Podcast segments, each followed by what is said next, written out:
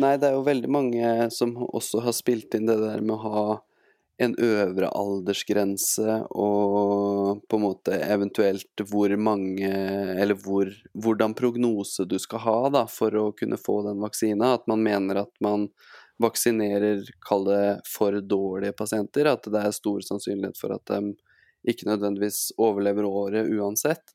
Eh, mm. Men da har du jo da en fastlege eh, som skal stå og bestemme om eh, du er på den ene sida av gjerdet eller den andre. Og mm. jeg tror fastlegene har mer enn nok arbeidspress fra før til at de må stå på det etiske dilemmaet der og, og, bestemme det. Så for min del så er det nå i hvert fall veldig fint at man ikke la nivået på at eh, en bestemt aldersgruppe eller eh, prognose for kreftbehandling eller hva det skal være, er uh, ekskludert fra å få vaksine, for å si det sånn. Nei, det handler jo om effektivitet, dette her. Hva er det du driver med? Bakgrunnstanken for det her er eh, samfunnstjeneste. Her har vi rett. Dere har ikke skjønt noe. Er det, er det lov? Du skal være bra manisk depressiv for at uh, dette her skal fungere som terapi, sånn egentlig. Tror du, eller? Yes, Jan Thomas. For et uh, par uker siden så hadde jo vi uh, besøk av søsteren din Edle. Det er helt riktig. Ja, da snakket det vi litt... husker jeg veldig godt. Ja, så bra, så bra. Da, da snakket vi litt om uh, litt ringvirkninger av uh, korona, spesielt innenfor uh, hennes yrker. Mm. Og da tok, etter at, den, etter at vi hadde sluppet den episoden, så tok lillebroren min, Smurfen, også kalt Jakob, kontakt med meg og hadde noen, noen, tanker rundt det her. Så da mm. bestemte vi oss for å si Hei, Jakob, er du her? Jeg er her, vet du. Ja. Yay! Jakob han jobber jo i helsevesenet. Han er uh, fysioterapeut, uh, jobber, i, jobber, kommunalt. Og, og, satt litt igjen med en ja, Hvordan skal man enklest beskrive det? En litt sånn vond følelse etter den forrige episoden? Ja, blanda følelse i hvert fall. Ja, du var jo innom og diskuterte litt med meg, da, i forhold til liksom at dette her går såpass hardt utover hennes næring, det hun holder på med. Også, fordi, fordi, det hun holder på med, det er jo ditt fristed. Mm. Og det er, jo, det er, jo, ganske problematisk, selvfølgelig, fordi vi tenkte vi liksom kunne diskutere litt det der hva, Hvordan det egentlig er å være i helsevesenet nå, og kanskje hvorfor det er viktigere enn noen gang med et fristed. Mm. Noen av de stikkordene som jeg har uh, ført opp her, Jakob, som jeg tenkte vi kunne diskutere litt, det var uh, vaksinering, uh, fremdriften med det, og hvordan vi lå an i forhold til plasser på omsorgsboliger, gamlehjem uh, osv. Og, og ikke minst da, hvordan dette siste året har vært for dere i helsevesenet. Ja. Det... Er det noe, ja, er det noe, noe av det her som, som trigger deg mest til å prate om, eller?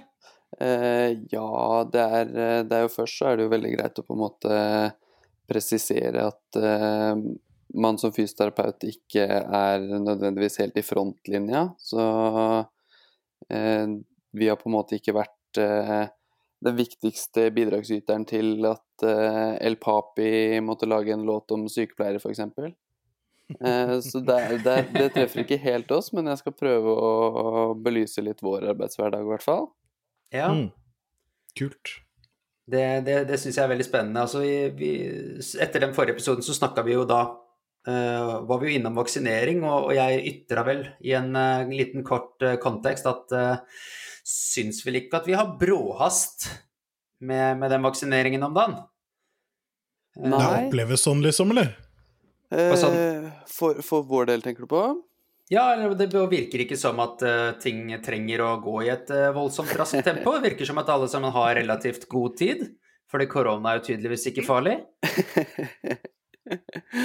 Det er klart at uh, det vil nok Jeg vil nok kunne komme fram med noen personlige standpunkter også i løpet av samtalen, men det, har, det skal jo sies at det har Med vaksinering så blir det lagt opp veldig mye til at kommunene først får x antall doser, og så er det på en måte de som administrerer selv hvem som skal få når.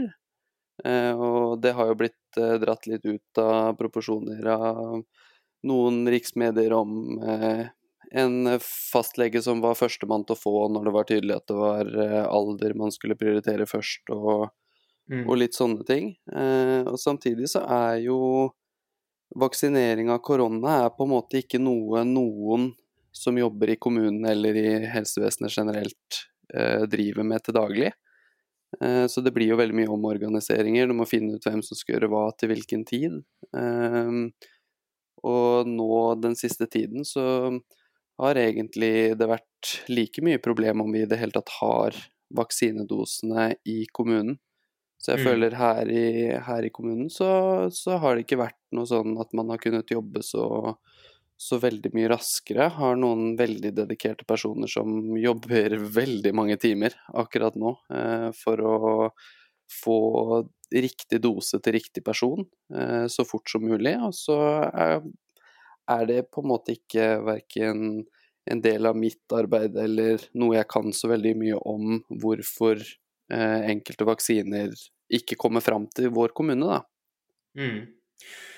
Fordi det var jo Du, du nevnte det jo uh, i den eh, samtalen som vi hadde på Når jeg begynte å legge litt ut om at eh, jeg syns at ting ikke gikk så fort, så nevnte du jo det at det er jo selvfølgelig de eldre som, som begynner først.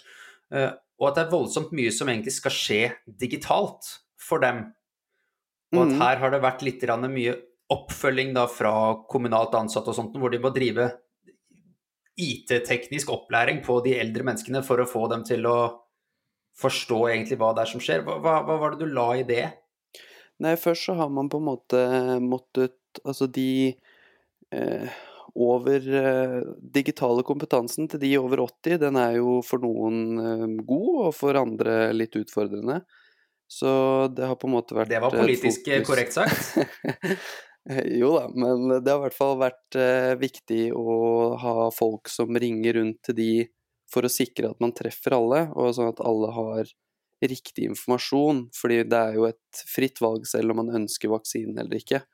Eh, men da må man på en måte ha lagt opp til at alle vet hva de sier enten ja eller nei til. Mm. Eh, Så først så har jo jobben blitt å Jeg har selv ikke stått for de telefonsamtalene, så det blir litt fra utsiden. Men, eh, men den har på en måte blitt å, å høre om de ønsker vaksine, og da kommer det automatisk noen spørsmål som man da må besvare. Og så har man da måttet følge opp i etterkant etter at man har sagt ja, eh, til å på en måte finne ut hvilket tidspunkt man skal eh, få vaksina på. Så det blir jo flere oppfølginger til de samme brukerne også, da. Og da tar det automatisk ganske mye tid. Ja, for det er ikke sånn at kommunen har innhenta mer, eh, mer arbeidskraft til å ta seg av denne type administrative oppgaver? Det er jeg faktisk ikke helt kjent med. Jeg tror det er eh, noen eh, At kommunen har uh, henta inn noe, leid inn noe, men jeg er ikke helt sikker på i hvilken grad, i og med at jeg ikke har stått og jobba så mye med det sjøl. Jeg har på en måte Jeg jobber som eh, fagkoordinator for ergo- og fysioterapeutene som jobber med voksne, og da har jeg på en måte vært igjen for å prøve å administrere de som Kall det fortsatt jobbe med de arbeidsoppgavene vi hadde før vaksina, da. Ok. Mm. Men sånn, der, hvor du har, eh, der hvor du sitter og jobber en god del, der er det jo det er, er det en omsorgsbolig, er det ikke det der? Eh, det, jeg jobber litt med hjemmeboende, og så jobber jeg på korttidsavdeling på sykehjemmet, eh, sånn hovedsakelig. Mm. Flu, er det flust, eh, eller flust er det vel ikke, det sa du vel, men eh, er det mange av disse eldre som har fått, uh, fått lov til å bli vaksinert bort hos deg allerede, eller? Eh, På sykehjemmene så har vel de aller fleste som har langtidsplass, altså de som kaller det bor på sykehjemmet, Mm. de har eh, blitt vaksinert. eh, Så lenge de takker ja, selvfølgelig, da, og ønsker. Mm. Eh, Men de som er på korttidsopphold, de er jo hjemmeboende, og så er de på sykehjemmet da i en kort periode fordi at de av ulike grunner ikke kan eh, klare seg hjemme i en liten tid framover, da. Og da på en måte sendes du ut typisk fra enten hjemmet fordi det ikke fungerer så godt, eller fra sykehuset. Mm. Um, og da, de blir jo fortsatt regna som hjemmeboende når det gjelder vaksinekø, da. For hvis vi skulle vaksinert alle på korttidsopphold, så hadde det jo typisk blitt litt kaos på å vite hvem som har fått vaksine til hvilken tid, i og med at eh, noen er på et ukes opphold og andre er der i fire uker, og det blir veldig sånn forskjellig. Mm. Hele, hele koronasituasjonen har jo naturligvis gitt en sånn vanvittig press på, på de helseansatte. Eh, om det skulle være leger eller sykepleiere eller eh, fysioer eller altså kantinedama på sykehjemmet eller eh, Det er jo vi, vi, vi, merker jo viktigheten av å ha et godt system. Ja, jeg snakka, eller jeg nevnte jo så vidt for deg det der med kontrast i forhold til uh, den jobben som dere prata om med Edle, da. Uh, mm. Og hvilken status den hadde i samfunnet på en måte både før og nå, uh, og hvordan det på en måte hadde utvikla seg, som jeg syns det, det føltes som en voldsom kontrast der hvor jeg satt, hvor helsepersonell og man med altså dagens rentenivåer og boligpriser og alt det aldri har følt at man har en tryggere jobb og egentlig stått sterkere i samfunnet, selv om ikke nødvendigvis uh, vi har fått noen lønnsøkning, så er det jo fortsatt så er man jo 100% sikker på at uh, uansett hva som skjer i verden, så er vi ganske trygge på å ha en solid jobb når vi jobber i kommunen. Mm. Så det, mm. det, er helt klart. Har du noe å legge til på et eller annet eh, sted her, Jan Thomas? Uh, jeg, har, jeg, har, egentlig det, men uh, jeg har glemt det litt. okay. Det var litt, uh, var litt, var litt småting, men det er, så, det, er ikke så, voldsomt nøye. Men jeg, jeg, kan, jeg, kan, se det at den kontrasten, da, at den blir ganske stor, og uten at man egentlig kan utnevne noen vinnere av, av, pandemien, det, det, tror jeg ikke man, man kan, selv man vil vel kunne se det også etter hvert, hvis man skal begynne å snakke om profitører og sånt. Men det skal jeg holde meg for god til! Det skal jeg holde meg altfor god til. Hvis vi skal gidde å snakke noe om det, det kan vi ta når det foreligger. Men det, det syns jeg i hvert fall er innafor.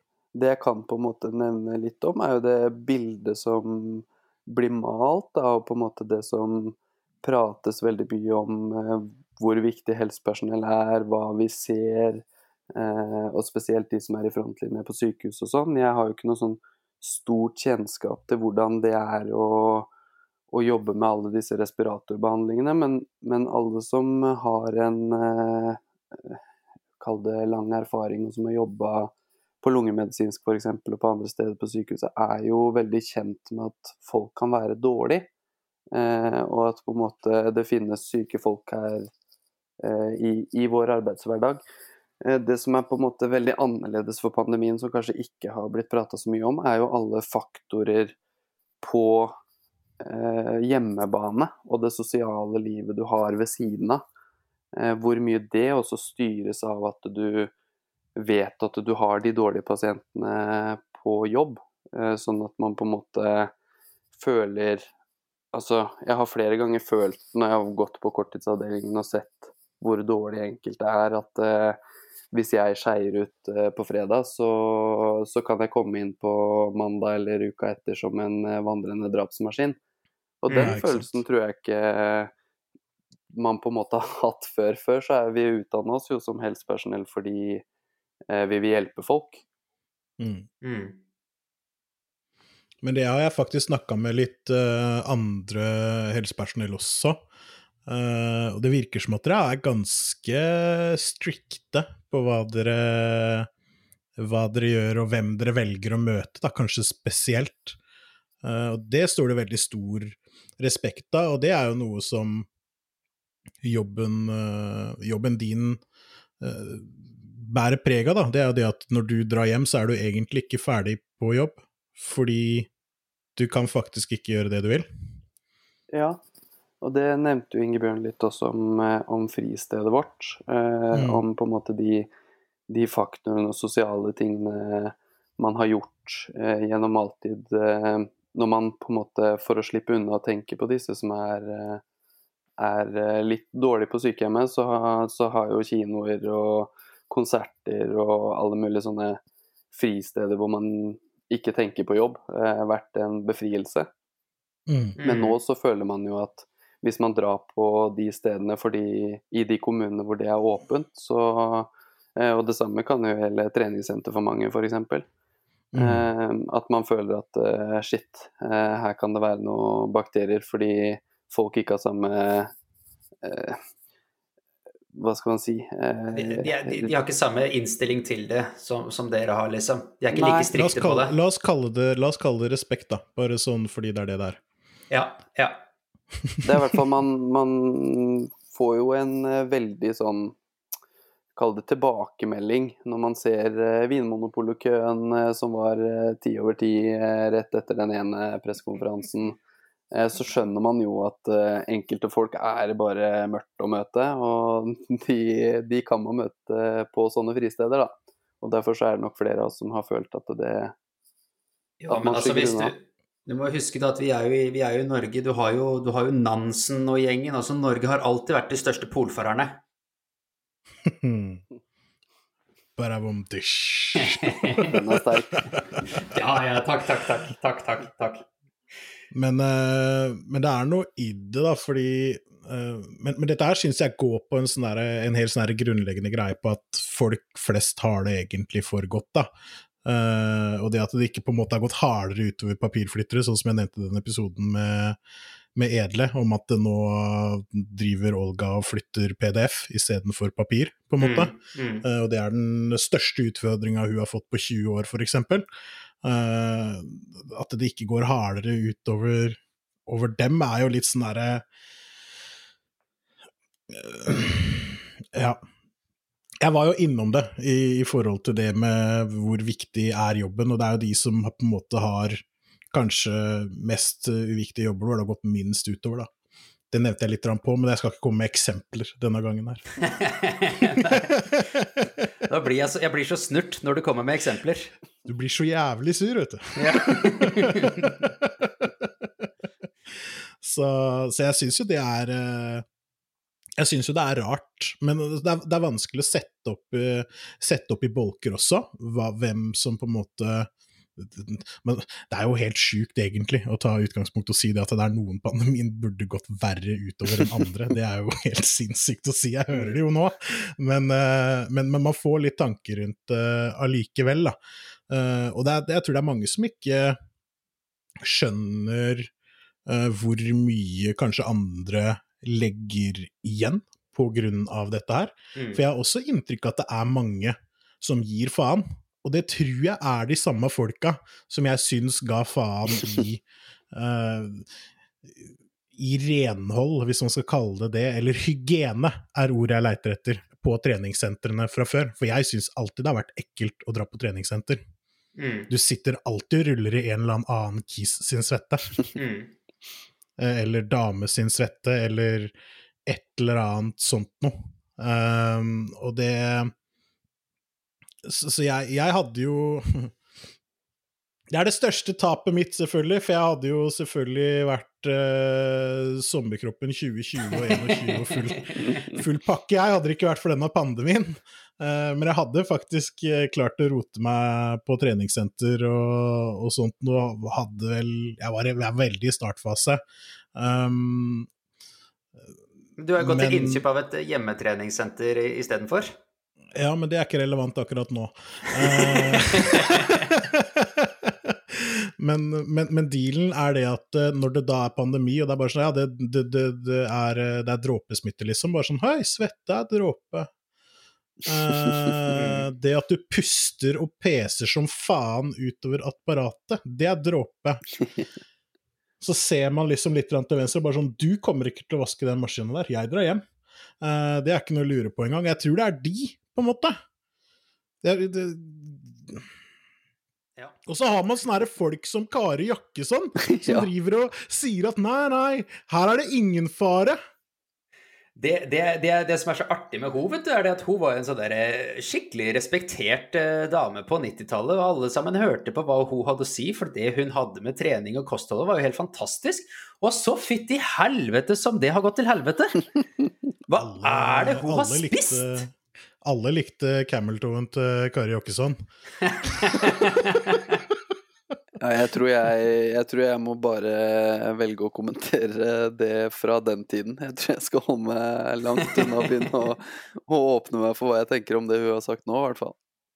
Har hun sagt noe nå, nå, nylig, nylig, eller? Nei da, jeg tenker gjennom hele koronaen og disse Instagram-postene hennes og sånn. Jeg har prøvd å, prøvd å, skygge unna etter hvert. Jeg har vel fått det med meg i, i postene til Mats Hansen, og det holder for så vidt for min del. Ja, altså.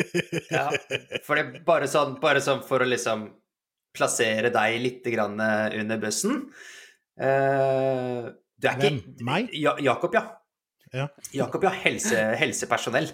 Uh, du er ikke liksom veldig enig i det hun sier? Uh, nei.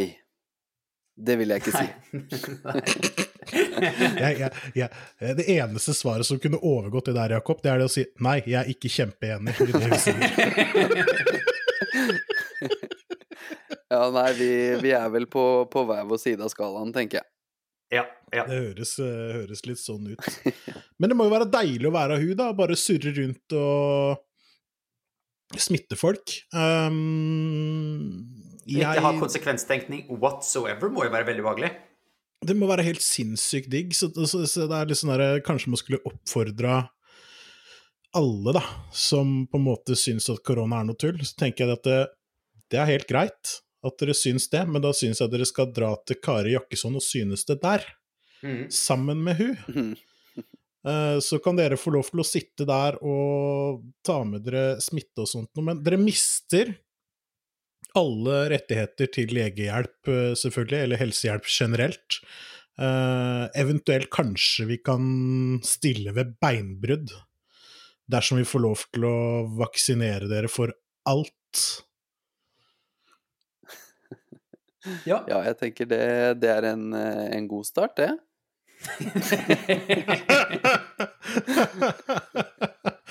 ja.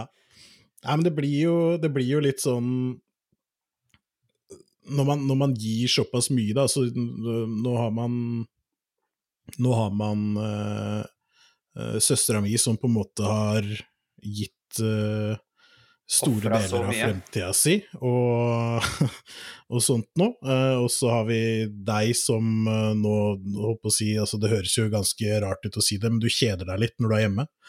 Uh, hvis man skal sette det, sette det litt på spissen. Det var, det var, humor. Det er lov å le nå, Jakob. Mm. så så er det provoserende å gå rundt og se at folk gir faen.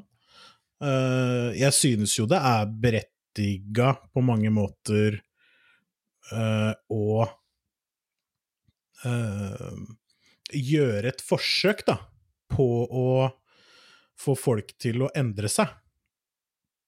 Men jeg synes ikke noe om den derre mobb-mentaliteten mm. rundt korona, med at man går rundt og skammer seg og sånt men det er fordi at man tar som utgangspunkt at folk ikke gjør så godt de kan. Mm. Så si at du kanskje har en medisinsk grunn da, til å ikke gå med munnbind, eksempel. Mm. Du, du, tar ikke kollektivt i Oslo lenger, du, hvis du har en medisinsk grunn for ikke å gå med munnbind. Jeg garanterer deg, det tør du ikke. Finnes det en eh, medisinsk grunn til ikke å gå med munnbind? Ja, det vil jeg tro. Det er, eh, det er mange, mange, som sliter veldig med oksygenopptaket som følge av lungelidelser, f.eks., som, mm. Eh, som har store problemer med å bruke munnbind. Uh, og det tenker det er, det er, nok helt riktig det at uh, de færreste av de uh, har du å se på busser i rushtrafikken. Mm. Jeg, jeg, ganske... stiller jeg, jeg, stiller dumme spørsmål bare for å få ting sagt. jeg, skjønte, jeg, skjønte, hvor vi var på veien, men, men jeg tenkte at ikke, kanskje ikke alle sammen kobla det. Men, men, men, men Jakob mm dette her med Hvordan er det det blir for deg nå, da, når alt dette gøye, alt dette fristed, alt dette som gjør at du kan uh, legge bort uh, stakkars uh, pasienten din, legge henne litt til side og skru av ikke sant? det du tidligere kunne gjort med å dra og se på nye James Bond-filmer på, på, kino. Også. Hvordan er det dette her er for deg nå, når ikke du får det til? Klarer du liksom å distansere deg fra fra de, de, situasjonene, eller de følelsene du, du, får, hvis du skjønner hva jeg mener? Eh, jeg skjønner akkurat eh, hvor du vil hen, eh, og det, det er litt sånn blanding. Jeg, noe, jeg, har egentlig ikke noe problem med å, med å på en måte legge jobben på jobben i utgangspunktet, og gjør for så vidt det nå også, men, men på en måte den det, det kommer litt an på situasjonene man har vært oppi, og hvilke pasienter man på en måte har eh, til enhver tid. Eh, så det på en måte er eh, de med sterke lungelidelser, f.eks., som en fysioterapeut veldig ofte følger opp med det som populært kalles lungefysioterapi, hvor man på en måte forsøker å optimalisere dems lungefunksjon så mye som mulig så kjenner man jo veldig på det at Jeg drar ikke på fylla i morgen før jeg møter deg noen dager etterpå igjen, liksom. Mm. Så det, det, er på en måte Det klarer jeg ikke helt Eller har ikke klart å på en måte distansere meg fra. Um, men så møter man seg jo sjøl i døra gjentatte ganger uh, når det pågår over såpass lang tid. Mm. Så nå er det jo mm. liksom straks et år, da. Og jeg som fagkoordinator legger også føringer for uh, de andre terapeutene om, om hvordan vi skal strukturere vår arbeidshverdag. Eh, og jeg forsøker jo som best jeg kan å på en måte legge eh, føringer for den fagligheten vi utøver som er så Altså på så riktig nivå som mulig. Men samtidig så gjør jo det ofte at arbeidshverdagen blir veldig mye mer tungvint, fordi vi må ta forholdsregler hele tiden. Mm. Og da, når du sjøl har litt dårlig tid, så er det ikke alltid du er eh, den beste der. Nei. Så går Nei. du og gnager på det når du kommer hjem isteden. Ja, ikke sant? At du føler du ikke har gjort eh, fulgt alle reglene til punkt og prikke, liksom. Ja, i hvert fall når du setter reglene sjøl, da. Mm. Det blir litt som Bent Høie som på første pressekonferanse skulle ta på seg munnbind, og så tar han det på feil vei. Altså, det er, eh, det er litt dumt. Selv om eh, for all del jeg eh, er veldig fornøyd med store deler av jobben Bent Høie har gjort, så akkurat det var litt dumt, da. Ja, ja, men han har jo den der tommestokken sin, da, om ikke annet. ja. Så det, det har jo vært eh, perioder, men det på en måte som har skjedd, da Altså det har jo vært fra regjeringens side nå også i, i flere år vært veldig fokus på psykisk helse. Og Mm. På en måte jobbe aktivt mot uh, selvmordsstatistikken og sånn. Dere var jo innom den sist, uh, eller det tidligere også. Uh, og det på en måte koronaen har gjort som vi har følt veldig på, er at man blir, man blir definert ut ifra yrket man har, uh, og ikke personen man er, på en måte. Mm. Så, så altså Edle er, som dere prata om, er hjemme av at jobben hun har eh, ikke anses som eh, Eller anses som for stor smitterisiko kontra Kall det gevinst for samfunnet, eller hvor man skal hen, da. Eh, Mm. Andre sitter på hjemmekontor. Eh, og, og vi jobber med det vi gjør, men, eh, men det er på en måte ikke prat om om alt rundt og det man ofrer og, og gevinsten og sånne ting. Det er mer sånn å defi definere hvilken utdanning du har tatt. Og det, det er ikke nødvendigvis noe positivt med tanke på den psykiske helsen, da. Mm. Nei, men det er jo Det er litt interessant at du, du nevner det, for dette her er jo, dette her er jo veldig sånn urnorsk på mange, på mange måter. Ikke, eh, ikke nødvendigvis eh, den beskrivelsen du har det, men det der er noe som bor veldig lett i oss nordmenn, da. Det der med å definere seg ut ifra hva man jobber med og sånt noe. Mm. Eh, fordi veldig Altså, hvis en, hvis en nordmann da spør noen, altså hva driver du med, Eh, så, så spør dem hva jobber du med? Mm. Hvilken jobb har du? Det er jo det første første som kommer. hvilket- Hvilket sted er det du drar åtte timer mandag til fredag? Eh, det er det man lurer på. Man spør jo aldri noe om hvem folk er. Altså Et bedre spørsmål er sånn her, hva får deg til å smile? Mm. Mm. Det er et sinnssykt mye bedre spørsmål, for da kunne, kunne jeg tidligere, for eksempel, da, når jeg var fotballtrener, skulle jeg si at jeg er fotballtrener, liksom. Det, det får meg til å smile. Mm. Det er, det, er, det er kult hvis det, jobben din får deg til å smile, men hvis det er det eneste du på en måte har, da, Mm. så tror jeg det blir litt Jeg tror det fort kan bli litt tynt, uh, på en måte. Jeg tror det er viktig å Det er viktig å være glad i jobben sin. Eh, det tror jeg er litt sånn Det tror jeg gjør det enklere for deg. Men jeg tror det er viktig å ha noe annet som ikke bare er jobb, på en måte. Du kan godt gå i det samme, men at man har noe annet som får deg til å, til å smile ellers, på en måte, det tror jeg er veldig viktig. Men i Norge jo... så er ikke det viktig. Nei, det er i hvert fall ikke de... noe du skal presentere deg med. Man har jo de som eh, på en måte Altså de man kjenner som konsekvent spør om eh, jobben og hvordan det går på jobb og, og sånne ting, så, så, blir jo samtalen veldig stakkato veldig fort, da. Eh, mm. Så selv om man bruker 36 til 40 timer i uka på jobben sin, så, så har man jo andre ting i livet som interesserer man. Absolutt. Og det er jo hvilken livssituasjon du er i og sånne ting. Da, da er man jo inne på mer på personen, da. Det er, man, det er man absolutt. Jeg er jo kjempeforsiktig med å uttale meg hva jeg jobber om. Fordi det blir sånn herre Hva er det du Ja, hei og hå, sånt, hva jobber du med? Nei, jeg er systemutvikler, sånn, skjønner du. Og så spør de gjerne ja, hva er det for noe? Uh, og så sier jeg nei, det er lage software, vet du. Å ja, hva er det for noe? Uh, og det er kult at de spør om det, men etter hvert så kommer jeg da inn på at ja, jeg, jeg, jeg, lager basically internettsider. Å, kan du lage hjemmesida mi? Jeg har en app-idé her. Mm. Nei. Hvor mye betaler du? Det er ikke nok. La oss aldri snakkes igjen. Uh, så, så, så, så, Det er kanskje derfor jeg er litt var på det. Derfor jeg liksom tenker, Hvorfor, skal alle, hvorfor lurer alle på hva jeg jobber med hele tida? Det er ikke viktig. Hvorfor drar jeg på jobb? Jo, jeg drar på jobb for å tjene til livets opphold, som det så pent heter. Uh, for at jeg skal kunne gjøre andre ting enn jobben min. Derfor mm. drar jeg på jobb. Mm. Men nå, kom, nå, kom jo, nå har jo på en måte mm, staten vært veldig tydelig på hva som er samfunnskritiske stillinger. Uh, de har jo for, bare rett og slett gått ut og sagt at dette her er viktige folk, og dette her er uviktige folk. Enkelt og greit. Uh, plusser og minus med det. Folk som eh, tidligere ikke har eh, fått Altså folk som har fått altfor lite kred. Eksempelvis, eh, eksempelvis sykepleiere eller, eller, butikkansatte, for den saks skyld. Mm. Får jo nå endelig litt, grann, litt grann velfortjent cred. For det er jo dritviktige stillinger som, som, har blitt tatt opp i det her. Men samtidig så er det jo kjempemasse folk som har andre stillinger som ikke anses som i statlig syn så anses det ikke som viktig i det hele tatt, da. Du og jeg, Jan Thomas, vi ble jo kasta på hjemmekontor. Uh, vi har jo ikke viktige jobber ifølge, ifølge staten.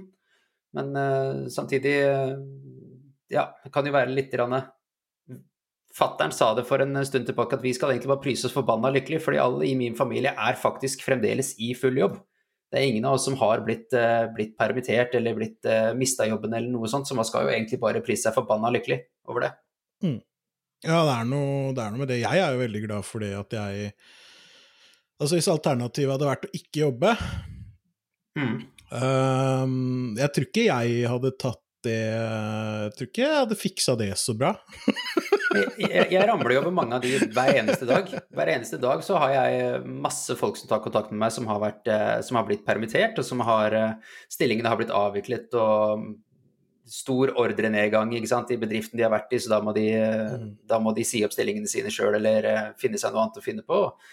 Og ja, nei, det er kjempevanskelig, det greiene der, altså. Mm.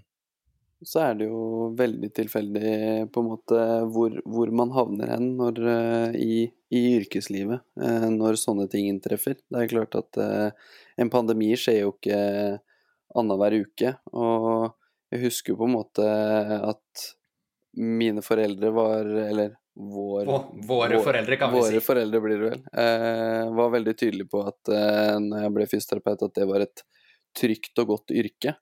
Eh, og når jeg var ferdig, så eh, ferdigutdanna, så søkte jeg en jobb eh, i Oslo. Og første jobben jeg søkte på, var det 354 søkere til én jobb.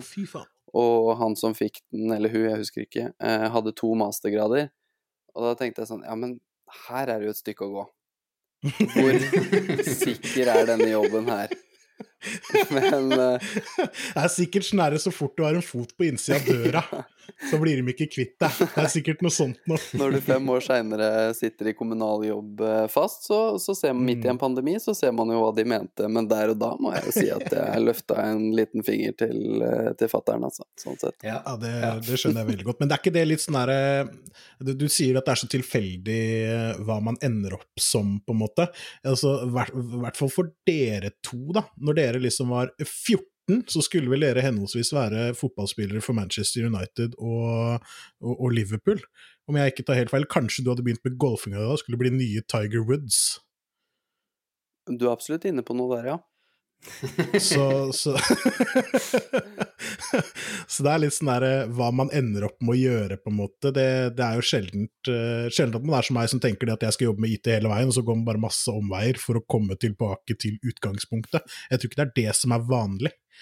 Um, så det er jo litt sånn uheldig um, uhe Tilfeldig uheldig Uh, hvor hardt det går utover deg i en pandemi, da. Men så går det jo litt på det, og Norge har jo ikke vært rusta for dette her. I det hele tatt. De har jo ikke vært interessert i å uh, være rusta for kriser.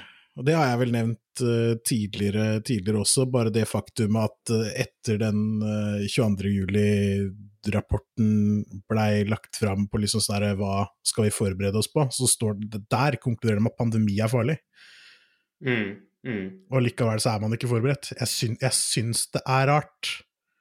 Men nå, nå, kan vi jo se oss rundt på andre land, så kan vi se det at uh, ok, vi har, vi har, få døde, det er jo Fint. sikkert positivt.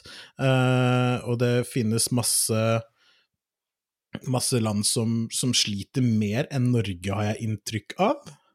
Eh, jeg veit ikke ja, hva dere tenker om det? Altså, Jakob kan komme med en eller annen type form for fasit sikkert snart, men eh, jeg må bare hive inn at det er klart folk som eh, andre land som sliter mye mer enn det Norge gjør. Det... Og det er liksom mm. Nei, snakk du, Jakob. Uh, nei, det er, det er, jo helt klart det, og det har jo vært uh, valgt forskjellige strategier uh, rundt omkring i verden også. så kall det Norge var i hvert fall heldig nok med å ha statlige ledere som eh, ikke feia det bort og mente at eh, dette var oppdikta eller noe som ikke var, var farlig i det hele tatt, som, som, mange andre steder har hatt. Og så er det jo eh, var, Kunne man jo egentlig ingenting om viruset når, når det kom, i og med at det er et nytt virus, så, eller i hvert fall veldig lite, da.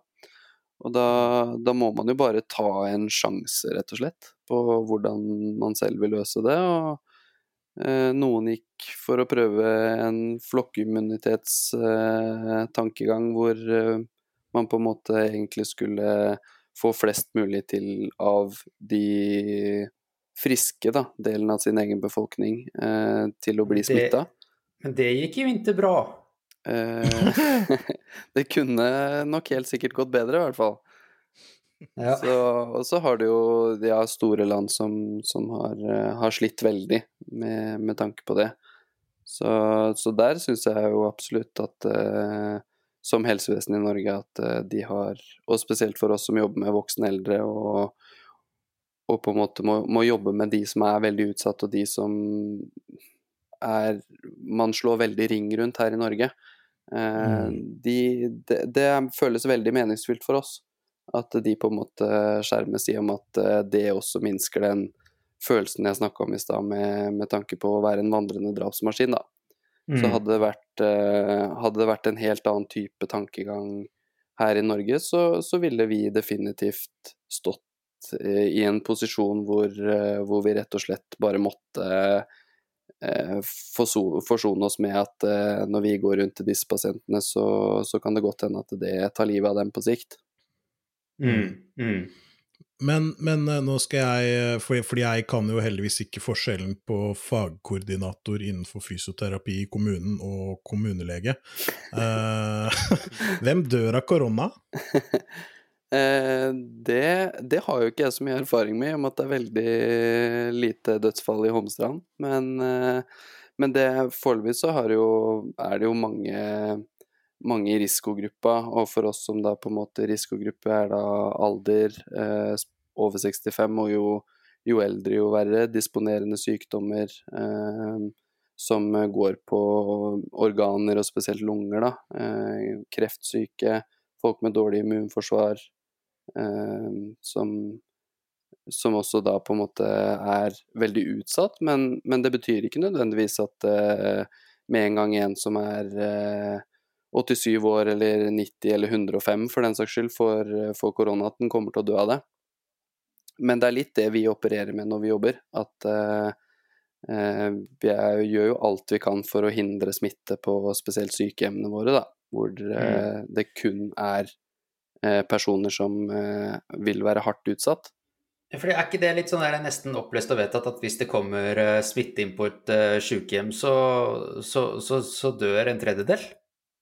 Det er absolutt det man, man, man, tenker, og det vi har vært kjemperedde for. Nå har vi vært mm. Eh, heldige i vår kommune at det har gått bra. Kan hende dere har vært flinke òg. Ja, det er, jo, flinke, ja. det er jo absolutt Det er lov å klappe seg sjøl litt på skuldra, da. Slå seg litt på brystet. Jo da. Så kan du eventuelt trekke det tilbake hvis alt går til helvete. Så kan du komme tilbake til poden og si unnskyld. ja, vi er ikke ferdig med pandemien ennå, men, eh, men, det er klart det har blitt jobba steinhardt av uh, avdelingsledere og virksomhetsledere, og, og ikke minst eh, kommuneoverlegen eh, her i, i Holmestrand, som har, uh, har jobba sine timer det siste året, for å si det sånn, for å sikre at alle har best mulig informasjon, og um, også gitt de nødvendige tiltakene. Um, så det har på en måte ofte vært sånn at man etterspør, og så får man gjerne et svar på, på om dine tanker er gode nok eh, når det gjelder smittevern. Da. Mm, mm. Det er jo ingen som sitter på noen form for fasit, ikke sant. Vi er jo bare nødt til å prøve å ta så velfunderte beslutninger som overhodet mulig. Mm. Men er, er, det, er, det, lov å stille spørsmål ved det, liksom? At uh, nå har vi holdt på i snart et år, og fremdeles veit vi på en måte egentlig ingenting? Eh, altså Man vet jo veldig mye mer nå enn eh, en man visste i, i starten, men, men, det er jo hovedsakelig kanskje mer de som eh, jobber eh, aktivt med forskningen, som har kommet veldig mye lenger. Eh, og de som jobber med vaksiner og godkjenninger og alle sånne ting, de, de har jo et mye større antall eh, personer, både smitta og ikke, i banken som de kan ta beslutninger ut fra. Men eh, for oss i kommunen så har jo vi på en måte Vi har jo hatt noen koronasyke, men eh, eh, banken blir jo på en måte ikke så stor at man, man vil aldri på, føle at man sitter på en fasit om hva som funker eller ikke. Mm. man gjør, prøver bare å optimalisere så mye man kan, og så krysser man fingrene, rett og slett, og håper at det går bra. Mm. Mm. Så, så, vi prøver på en måte bare å, å skape oddsen i vår favør, og så og så ser vi hva som skjer. ja. det, jeg, jeg, tror, jeg, tror, jeg, tror, det er streit, for dette her er jo litt sånn derre uh, handler ut ifra hva man vet, på en måte, og det tror jeg, det tror jeg altså man får ikke gjort noe mer enn det. Men jeg stiller litt sånn spørsmålstegn til kanskje hvorfor man ikke vet mer, da, for altså i hvert fall sånn i mine øyne, så er det nå ganske lik status som det det var når vi stengte ned landet, liksom. Bare at vi har, har lov til å dra til Hemsedal, tror jeg. ja, der, der, er det jo forskjellen der, der, er det jo litt forskjellen på hvor man bor i verden, da, eller i landet. Fordi eh, her oppe i Ålesund så er det jo fryktelig lite smitte. Altså det er nesten null i smitte her, sånn. Mm. Bort på Sunnmøre. Så du drar på byen? Nei, nei, altså, nå har jo ikke jeg vært eh, den personen som har vanka voldsomt mye der uansett. Men uteserveringa er oppe, ikke uteserveringa, da, men servering ute, altså inne, men ute. Ute på byen, inne. Jeg tror regelen er at steder kan være oppe til ti og kan kun servere alkohol med mat, er det jeg tror. Nå er ikke Da, da er det vel ganske likt som resten av landet, kanskje med unntak av Oslo, da. Men ja, Oslo, men... Blir en sånn egen, Oslo blir en sånn egen greie. Og det er, det, grunnen til det er jo fordi at det er den eneste litt store byen vi har. Ja, men, det, men holdt jeg på å si sånn utenom akkurat dette med alkohol, da, så merker vi at det er mange flere bedrifter jeg, jeg, føler meg veldig trygg på at det er mange flere bedrifter i området her som faktisk har eh, medarbeidere på kontorene. Eh, jeg tror også at eh, vi drar det på Moa her, da, som er et av Norges største kjøpesenter, så tror jeg prosenten antall folk med munnbind er latterlig mye lavere enn det er eh, noe som helst sted på et eller annet kjøpesenter i, på Østlandet, f.eks. Er ikke det litt tullete, egentlig? Jo. Er ikke det egentlig litt sånn derre Er ikke det litt sånn derre Nei, vi er friske, vi. Vi er superfriske, vi. Så her er det ikke noe problem. Nei, det er, super, det er supernaivt. Tenk når Gunnar fra Oslo kommer opp på dette her i kjøpesenteret deres. Kommer dere til å ligge som fluer hele urven? Ja, det er det jeg sier. Det er supernaivt. Det er kjempenaivt. Men, det, men det, er liksom, det, er liksom, den der tankegangen som virker til å være her i området. Og den er jo litt annerledes enn den er nede hos dere. Dere skal spare penger, dere. Det er det dere skal. Det er Sunnmøre-greiene skal bare spare noe penger. Det er jo det eneste sunnmøringer gjør, spare penger. Sparte de penga på de ti munnbinda der? Det eneste de bruker penger på, er å skape mer penger. Får, lunge, får sånn lungepumpe av staten, så det er ikke noe stress. Den skal selge, den er ferdig med å bruke.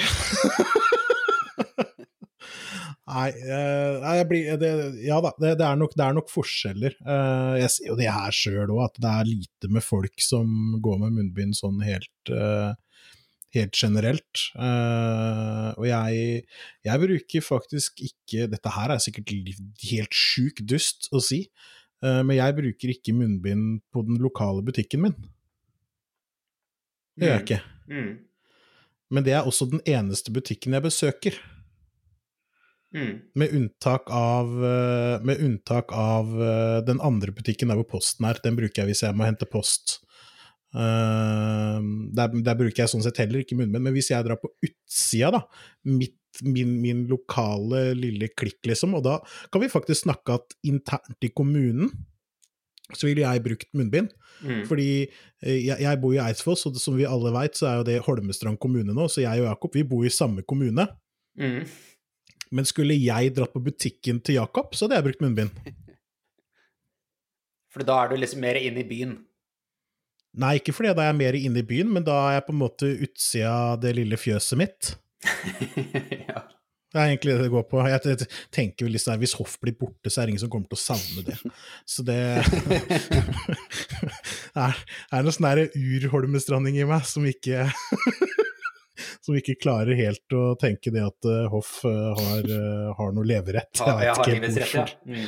ja, det er noe, det er noe gamle, er noe gamle greier det der. I og med at vi dekker hele kommunen, så, så må jo nok jeg Så tror jeg nok jeg må må si at Hoff, Hoff er like viktig som oss, og så får men, men, det er fremdeles dem er fremdeles den. Det, det... Hoff er like viktig som oss. Det er dem og dere. Og så er det oss. Det, det jobbes med.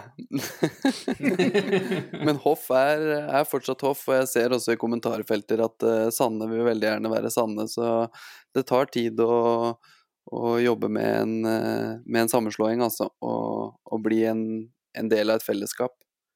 Men, ja, jeg men... har jo flytta jeg har jo flytta nå, så jeg har jo fått en ny fastlege. Eh, og da får jeg velge fritt i Holmestrand kommune. Så jeg har nå Jeg kommer fra Holmestrand, bor i Hoff og har fastlege i Sande. Uh, dette her er helt nydelig. Uh, fastlegen min heter for øvrig Ali Reza, og ble utelukkende valgt pga. navnet. er det et snev av sannhet i det du sa nå? Alt eh, det jeg sa, Å, det er, sant. Å, det er gøy. Å, det er gøy. det, som, det, det, som, også er sant, er at jeg står på venteliste for å få en fastlege i hoff. Så hvis det er noen som kan tukle med fastlegekøen, som hører på podkasten, er bare å dytte han der Jan Thomas, bare dytt han fram i køen. Han kommer til å verdsette det. Ja, Det må være han Jan Thomas som, eh, som har bostedsadresse i Holmestrand, ikke han i Oslo. Det er helt riktig. Men han får ikke lov til å velge seg Han får ikke lov til å velge seg engang, de fastlegene vi kan velge her nede, for å si det på den måten. Prøvde å tegne sånt eksklusivt bilde, funka ikke, men det får gå. Bra. Er det... er det noen som har noe å tilføye? Jeg tror egentlig ikke jeg har så voldsomt mye å tilføye, egentlig. Det, det er én ting Det er et sånt spørsmål som jeg fikk litt tidligere i podkasten, i forhold til det der med at det var en kommune som hadde valgt å vaksinere fastlegen sin da, Mm. først, eller noe sånt noe. Jeg, jeg tenker, Nå veit ikke jeg hvilken kommune det var, men i teorien, da Si at du har én fastlege du vaksinerer han. Eller hun. Eller hen. Tenker jeg, da. Det, det er en no-brainer. For hva gjør du hvis du ikke har, hvis du ikke har fastlege i kommunen lenger? Hva skjer da? Mm. Alt rakner. Det er et, eh, det er, et godt, eh, godt poeng, det, og det er jo litt forskjell eh, hvor man kom fra. Nå husker ikke jeg hvor det var, og det er på en måte kanskje ikke clickbaitene som, som treffer oss som helsepersonell mest når, når det der blir blåst opp, men jeg har jo sjøl jobba i Folldal kommune med 1500 innbyggere, og det er ikke sikkert at de mest livsnødvendige personene i Folldal har samme yrke som de har i Holmestrand, da, for å si det på den måten. Mm. Så derfor er det jo en stor fordel at kommunene får velge selv. Um, jeg tenker det er helt streit, ja. men jeg syns jo hele den debatten der om hvem som skal få vaksine og hvem som ikke skal få vaksine, har vært helt på tur hele veien. Fordi jeg, jeg, jeg, jeg syns jeg, ser på det som så naturlig at helsepersonell skal ha det først. Uh, for det er liksom sånn her Nei, du jobber med det, du er uh, herved dømt til døden. Uh, jeg syns det, det, er en rar holdning å ha. Det er bare sånn nei, vi skal vaksinere alle pasientene dine først, skjønner du. Så får vi se da, åssen ståa er med deg etter at du har satt alle de vaksinene, om det gikk bra eller ikke. Jeg syns ikke det er rettferdig. Jeg syns ikke det finnes rettferdig i det hele tatt. Nei, det er jo veldig mange som også har spilt inn det der med å ha en øvre aldersgrense og på en måte eventuelt hvor mange Eller hvor, hvordan prognose du skal ha da, for å kunne få den vaksina. At man mener at man vaksinerer, kall det for dårlige pasienter, at det er stor sannsynlighet for at de ikke nødvendigvis overlever året uansett. Eh, mm. Men da har du jo da en fastlege eh, som skal stå og bestemme om eh, du er på den ene sida av gjerdet eller den andre. Og mm. jeg tror fastlegene har mer enn nok arbeidspress fra før til at de må stå på det etiske dilemmaet der og, og, bestemme det. Så for min del så er det nå i hvert fall veldig fint at man ikke la nivået på at uh, en bestemt aldersgruppe eller uh, prognose for kreftbehandling eller hva det skal være, er uh, ekskludert fra å få vaksine, for å si det sånn. Nei, det handler jo om effektivitet, dette her. Mm. Det gjør det. Jeg bare lar den, bare lar den ligge i lufta der, så kan dere smake litt på den. og så kan dere le når dere selv har lyst. men, men, ja, nei, jeg syns det Jeg, jeg syns det har vært helt innafor å, å, kunne gjort en sånn, sånn vurdering.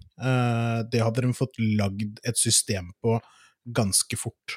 en eller annen stor utviklergruppe kunne kommet inn og lagd det, og så er det bare å mate inn alle persondataene inn der, og så kommer det ut vaksine ja og nei i andre enden. Uh, det tror jeg de skulle klart. Hvis de klarer å si hva reglene skal være, da. Selvfølgelig. Ja, dilemmaet kommer jo alltid uansett på den ene som er på den ene sida, altså skjæringspunktet, da. Ja, det vil det, det, vil det alltid gjøre. Mm. Men, men, jeg, jeg syns jo det, altså det, det, er jo, det er jo for gærent, for det, er jo, var i hvert fall en litt sånn løpende joke når man begynte å snakke om hvem som skulle vaksineres og, og ikke. Så var det litt sånn her løpende joke at vi må skynde oss å vaksinere alle folka før de dør. Uh, og hvis det på en måte er i nærheten av det som skjer, uh, så skjønner jeg ingenting, for jeg syns det virker veldig, veldig rart. Jeg klarer ikke å forstå det, liksom. Nå ble det stille. det blir jo, altså uansett hva man sier, så, så treffer man jo eh, Man treffer en nerve uansett hvilket standpunkt du tar. Så ja, det... jeg tenker jo mer på de fastlegene som jeg samarbeider med hver dag, som eh, på en måte da Og de er jo skikka til å ta veldig vanskelige samtaler, eh, og har mm. eh, både lang utdanning og, og kompetanse innen det å, å forklare overfor både pasienter sjøl og dems pårørende. Men eh, jeg tror med en pandemi som på en måte rammer alle, så er det ikke den ene personen som har en dårlig kreftdiagnose, eller som det ser litt dårlig ut for. Da skal du plutselig ta og fylle hele dagen din med de telefonsamtalene. Og det mm. Nei, jeg ser den. Den, den tror jeg blir vrien. Mm. Ja, jeg, jeg, ser, jeg ser av den. Det,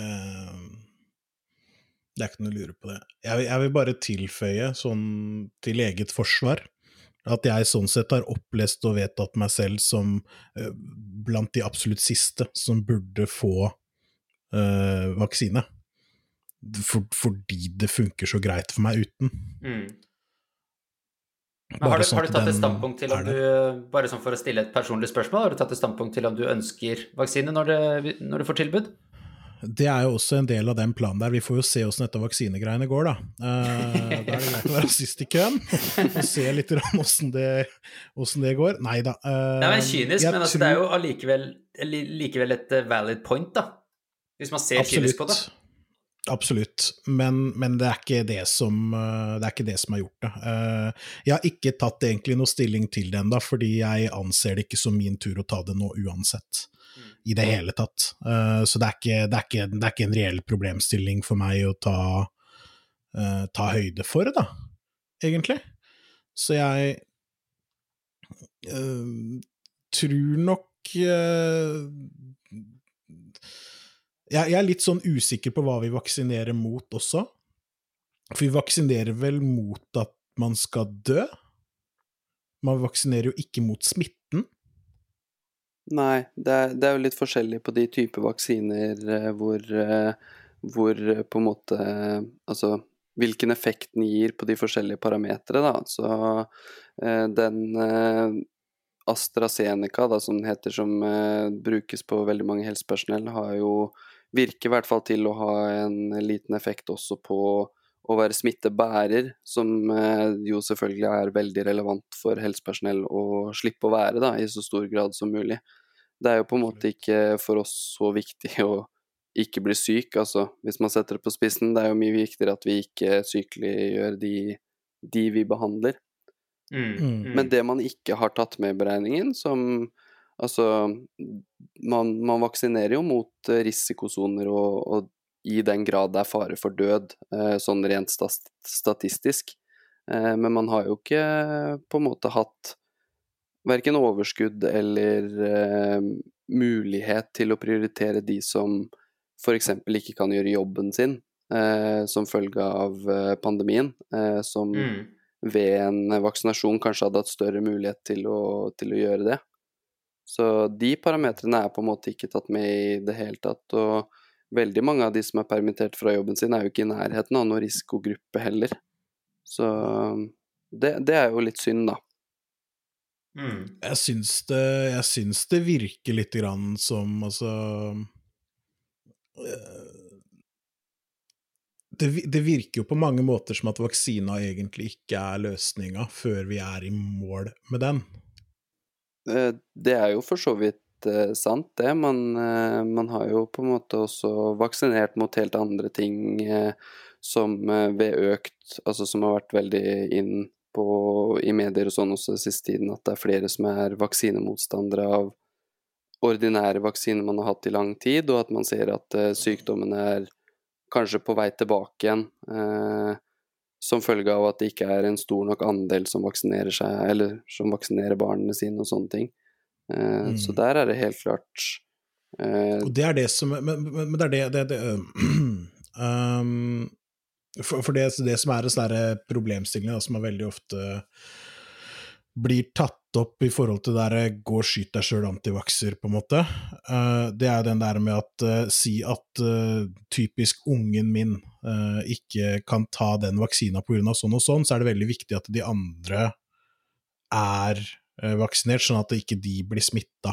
Eller sånn at ikke ungen som ikke har det, blir smitta, er jo det som er greia. Mm.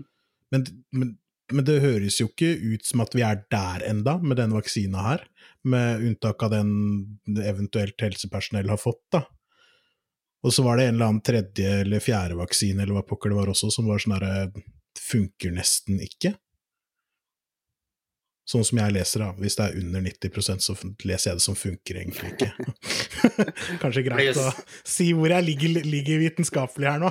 ja, men det, det, det, blir jo litt sånn, der, sånn som eksempel den, eh, den hurtigtesten som, mm. uh, som, har vært ute og, ute og rusla. Hva var det for noe, Jakob? 26% av alle svar var feil. Ja, jeg tror det er Det var i hvert fall det. På et tidspunkt så var det ja, altså, 75 sannsynlighet for å få rett svar, da. Ja, men altså, hva faen er det du sier for noe? Det, det er det mest ubrukelige jeg noensinne har hørt. Du kan ikke stole på det for en femmer, da? Jeg i 75 da. ja, men du veit ikke, ikke om du er en av disse 25 du ikke skal kunne stole på, bare drite i resultatene? Nei, det er klart at uh, altså sånn uh, når, man, når, man, legger opp prosentvis, så er det klart at uh, nå da så må man jo som regel ha positivt en Nei, avlagt en eh, negativ eh, prøvesvar for å f.eks. få lov til å reise ut og fly. Mm. Og da er det jo, hvis det står ti i kø på Gardermoen, da, så er det jo litt dumt at uh, to, og en halv av de får feil svar. Mm. Det, jeg tør jo, tør jo påstå at jeg syns det er litt dumt. Matta taper, liksom. Matta taper men, men, egentlig aldri. Uh, dette her er jo helt eh, Ja, det er crazy, crazy beans, egentlig. Jeg klarer ikke å skjønne hva Det er det jeg mener! Jeg syns ikke, ikke, vi veit så mye mer! Jeg syns ikke vi har blitt noe smartere på det siste året her! Vi sitter fremdeles og driver og surrer og rører og skjønner ikke en dritt! Nei, det, er helt matt av det opplegget her. Det er sånn derre Jeg så jeg så den der pressekonferansen med hun derre Heia-Erna. Um, fra en av de første som hun kom med, hvor det var sånn herre Nå kommer vi inn i en vanskelig tid. Hvis vi strammer inn litt nå, så blir det bedre seinere. Ja, når er seinere? det er seinere. Mm. det er i hvert fall ikke nå. Syns du det var litt vagt? Uh, jeg syns det er like spesifikt som det jeg opplever den kommer med om nå om dagen også. Ja. Uh, og for the record, for de som hoppa inn på episoden akkurat nå, er ikke spesielt imponert. Er ikke det, altså. Uh, jeg ja, nei. Også, også, det, det, det, var jo det, noe av det råeste når, nye, når det nye viruset kom. Uh, og det finnes jo haugevis av dem, men det er ett av dem vi er redde for, eller noe sånt noe. Jeg har mista helt oversikt, jeg. Ja. Det er så mye rare mutasjoner ute og går. Men da hadde man stått på grensa og testa alle med en test som ikke testa det. uh, og da tenker jeg sånn derre Hvorfor? Hvorfor gidder dere det? Hvorfor Altså, hæ? Uh, så det kommer liksom et fly fra England, og så står vi der med koronatest, og så tester vi ikke for den der såkalte engelske varianten, som er helt innafor å si, så lenge man ikke kaller det for China virus, for det Trump. Uh, ja, det er mye her som ikke stemmer, altså. Må, det, er, det, er, så mye tøv og rot og rør, rett og slett. Ja. Så, men Kari Jakkesson kan gå og ta seg en bolle. Det, det kan vi signere på. Det kan vi signere på. Uh, selv om jeg syns ting er helt skrudd og snålt, og jeg syns uh, la, meg, la, meg, bare spesifisere her. Jeg tror helsepersonell gjør så jævlig godt de bare kan. Mm. Uh, jeg tror de er ja, det skal jeg ikke si. Jeg skal ikke si at de er sjukt mye flinkere uh, på å gjøre jobben sin om dagen i forhold til hva jeg er. Uh, det skal jeg ikke si, men jeg tror de er jævlig flinke. Uh, og gjør det de kan, basert på den informasjonen de har. Mm. så jeg retter pekefingeren mot forskere og statsoverhoder og andre, la oss kalle det mytiske figurer, som jeg ikke tror på. og jeg tror det er de som på en måte må ta i lite grann, da uh, egentlig. Jeg syns det Jeg syns vi surrer rundt i den samme tåka som vi surrer rundt i. Kanskje blitt litt mindre tåke, men det er fremdeles sånn at kommer en elg i veien her, så smeller det, altså. Så ja. Ja, men Bra, Jan Thomas. Da fikk du lira av deg den uh, mot slutten her. Eh, ja. Selvfølgelig enig. kan, jo ikke være, kan ikke være så veldig mye annet enn enig i veldig mye av det du sier der. Men jeg tror vi er nødt til å begynne å se mot uh, slutten av den episoden her, sånn, hvis vi skal uh, ja, få gjort noe som helst annet i løpet av en uke. Ja, det er sant. Så Jakob, det er veldig, veldig sant. Jakob, tusen takk for at du tok deg, tok deg, tid til å være med oss i dag. Jeg veit at vi har avtalt at du skal være med i en episode litt seinere. Det gleder vi oss til. Den kommer til å bli litt lettere, kan vi si. det er lov å si. Lov Vanskeligere å si. for meg, antageligvis. det er uh, også stort potensial for det. Nei, tusen, tusen takk for at du gadd å holdt på å si stelle huet ditt på, på stabben. Uh, det kan være litt sånn skummelt, kanskje, å komme hit hvis vi, hvis vi sutrer for mye. Men uh, jeg, håper, jeg, håper, du syns det var ålreit? Ja, det, var, det er veldig, veldig ålreit. Jeg takker for at jeg fikk lov til å komme. Selv om jeg har svetta litt oppover underveis her, så tror jeg det var sånn ålreit. ja, det er, det, er, det er, nydelig å høre. Uh, da tenker jeg det at jeg skal minne alle våre trofaste lyttere på at uh, dere må inn på Eh, de sosiale mediekanalene våre, og så må dere uh, subscribe og like og dele og alt sånt greier vi har der, for vi har akkurat kjørt en konkurranse. Skal vi si noe på det, eller skal vi Det er kanskje ikke noe vits i? Vi har kåra vinner, jeg har kontakta vinneren og fått adresse, og nå er uh, genser er på vei ut. Er det så... annonsert? Det er annonsert. Janne Hedlund kom fra Sandefjord. Hun har vunnet en, en genser i størrelse M og eh, får denne i en postkasse nær seg i løpet av kort tid. Jeg noterer meg bare det at jeg har fått verken kvitte meg med tørkestativ eller genser. det stemmer, genseren sendes fra Ålesund. og det som, eh, det som er tilfellet da, det er at det finnes altså eh, fremdeles en Sutrepodden-genser i størrelse XL. Eneste måten du har mulighet til å kunne oppdrive den, det er ved å følge med på de sosiale kanalene våre, eller gå inn der når vi nevner det i podkasten. Eh, vi heter Sutrepodden på Instagram, Facebook, eh, Twitter Roonies, eh, eller Twitter som det heter på god gammeldags engelsk. Ehm, du kan nå oss på de kanalene, og du kan også nå oss på mail, sutring at sutrepodden.no. Du finner oss på Spotify, du finner oss på Acast, du finner oss på iTunes, og du finner oss som alltid i din favorittpodkastplayer.